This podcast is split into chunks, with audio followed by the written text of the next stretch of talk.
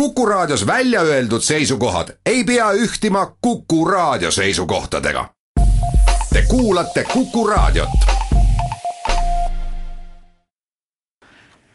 tere jälle, täna on teisipäev, kuues detsember ja eetris Tagasivaade. minu nimi on Tõnis Eilait. kuldlõvi, Tallinna tuntud hotell oli Türgi paša vangitorn ja tema ohvitserid mürgeldasid restoranis, maalib uudisleht meile Türgi sõjavangide elust Tallinnas tuhande kaheksasaja seitsmekümne kaheksandal aastal pildi kuuendal detsembril tuhat üheksasada kolmkümmend. pärast kaks aastat möllanud Vene-Türgi sõda toodi Eestisse vangi langenud Türgi sõdureid, no neid oli ümmarguselt nelisada viiskümmend. peale Tallinna läks suurem osa Rakverre, kus seal hukkunud türklastele on nüüd ka monument püstitatud ja mujalegi Eestisse Jaan Kaplinski on kirjutanud pärimustele tuginedes liigutava loo Türgi sõjavangidest Pärnu kandis. külast konvoeeriti läbi salk Türgi sõjavange. inimesed, kelle ainus info türklaste kohta oli pärit Vene sõjapropagandast ja erusoldatite luiske lugudest, olid algul hirmul. Nad kujutlesid, et türklased on mingid koletised, aga oma jahmatuseks nägid nad õnnetuid armetusi riides külmetavaid mehi. oli ju talveaeg külarahvas nägi, et nende ees on inimesed, kes vajavad abi. Nad jooksid koju, haarasid kaasa sooja sokke, kindaid, mõned toidupala ja jagasid seda vangidele. Need olnud rõõmsad ja tänanud annetajaid omas keeles. nojah, aga kuidas oli siis ikkagi tolle Türgi passaga Tallinna esindushotellis Kuldlõvi? no tänaste standardite järgi oli see Kuldlõvi tol ajal küll üsna armetu, erilisi pesemisvõimalusi ei olnud ja ühiskemps oli kogu aeg koridori peal. uudisleht kirjutab, vaevalt teab suur enamus lugejaist, et Kuldlõvi polnud mitte ainult peavarjuks kuulsustele ega residentsiks riigipöörajatele, vaid eh, oma eluaja jooksul on ta pidanud täitma ka vangitorni ülesandeid nimelt veetis Kuldlõvis Vene-Türgi sõja ajal oma vangipõlve üks Türgi paša, kes oma meestega koos oli venelaste kätte vangi langenud. see oli tuhande kaheksasaja seitsmekümne kaheksanda aasta varakevadel, kui Tallinnas levis kulutulene teade, türklased tulevad teati kinnitada, et siia saabub sadakond Türgi sõjameest, kes kuuluvad sõja ajal venelaste kätte vangi langenud polku rahva uudishimu ja ärevus oli täiesti arusaadav, sest türklastest, nende sultanitest ja haaremitest oli palju kuuldud ja raamatutest loetud, kuid oma ihusilmaga polnud neid veel keegi näinud. nii oli kaugete külaliste saabumine sensatsioon, kogu linn oli jalul, igaüks tahtis oma silmaga kaugeid võõraid näha. rongi saabudes Balti jaama selgus ka, et sõjavangide hulgas on üks Türgi paša ja kümmekond ohvitseri vangid rivistati üles ja hakati liikuma patarei kasarmute poole. teeservas oli palju rahvast, kõik tahtsid oma ihusilmaga pašat näha, aga pettusid, sest tuli välja, et ühes ohvitseridega oli ta garnisoni ülema juurde viidud. kaugelt tulnud tavaliste sõjameeste nägudes peegeldusid aga läbi elatud vintsustute jäljed vaikides silmad maha löödud, kõndisid nad patarei poole. Nende riietus oli äärmiselt närune, rohekasallid sineleid ainult narmendasid. mis nendega edasi seal patareis juhtus, pole teada, ainult nii palju, et nende sinelid vahetati Vene sõjaväe sinelite vastu. Paša aga asus elama Kuldlõvi võõraste majja, teistel ohvitseridel oli patarei kasarmutes eraldi ruumid. Paša suurt väljas ei käinud, ta veetis oma adjutandiga aega numbritoas ja kurtis, et ilm on liialt jahe ja kipub kontidele liiga tegema. varsti surnudki adjutant kopsuplätiku ja maeti Tallinna islamiusuliste kalmistule. Passaga sõitis seejärel teinekord ringi kahe hobuse kalessiga. kujult oli ta kõhetu mehike, rinnani ulatuva halli habemega.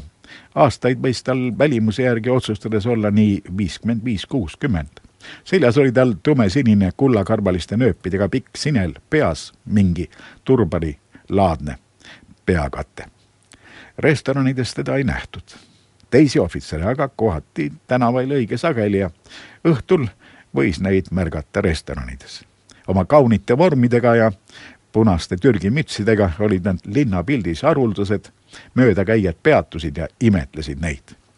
teiste seast torkas eriti silma üks ohvitser, kes oma sümpaatse välimusega oli daamide lemmik kuna mees kõneles veidi prantsuse keelt, siis ta soovitas siinsete daamide seas tutvusi ja teda nähti õige sageli kohalikes restoranides kurameerimas. peaaegu alati saatis teda mõni tallinlanna.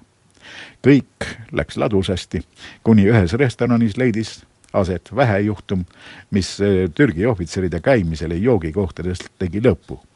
nimelt istus restoran De Russis üks Vene ohvitser koos oma daamiga ja astus sisse kolm Türgi ohvitseri, võeti napsi ja tehti tuju. sattudes tuju, hakkasid nad tegema komplimente Vene ohvitseri daamile, kes meelitustele mitte just ükskõikselt ei reageerinud. tema kaaslane nägi selles kui enda solvamist, tema ju ohvitser kuna solvaja oli pealegi sõjavang, siis tõusis ohvitser püsti, sammus türklase juurde ja andis talle kõrvalopsu vastane polnud kitsi ja kviteeris rünnakut omalt poolt kõrvakiiluga. tekkis üleüldine löömine. vastaste restoranist eemaldamiseks tuli kutsuda politsei. tagajärjeks oli see, et paša keeras oma ohvitseridel restoranides käimise. siitpeale nähti võõraid ka tänavail palju harvemini. külalised olid Tallinnas selle aasta sügiseni ja siis viidi nad ära kuna Vene-Türgi sõda oli lõppenud, siis võib arvata, et nad kodumaale tagasi said, lõpetab uudisleht oma loo. aktiivne lahingutegevus Vene ja Türgi sõjaväe vahel kestis tuhande kaheksasaja seitsmekümne seitsmenda aasta aprillist seitsmekümne kaheksanda aasta märtsini.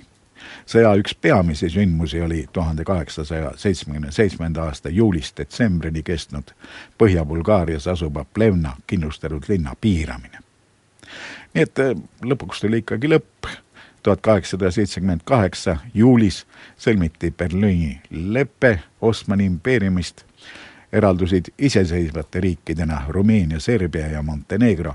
Austria-Ungari sai endale Bosnia ja Hertsegoviina, Suurbritannia Küprose, Tsaari-Venemaa, Karsi piirkonna ja Lõuna-Bessaraabia. Bulgaaria jäi autonoomse vasallriigina türklaste kätte.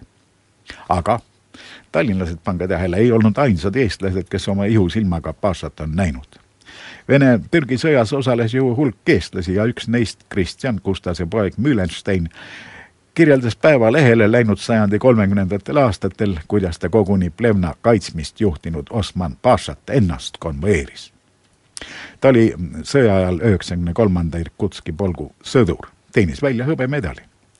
vangi langenud oli tema sõnuti kakskümmend kaheksa tuhat meest ja vange hakati tagalasse saatma, nende vedu toimus nii, et tema sattus kolm korda vange konvoeerima. viimases ešelonis oli ka Osman Paša. teised sõjavangid käisid meie täekide vahel jala, Paša sõitis ratsa hobusel, oma meeste hulgas mõõk vööl.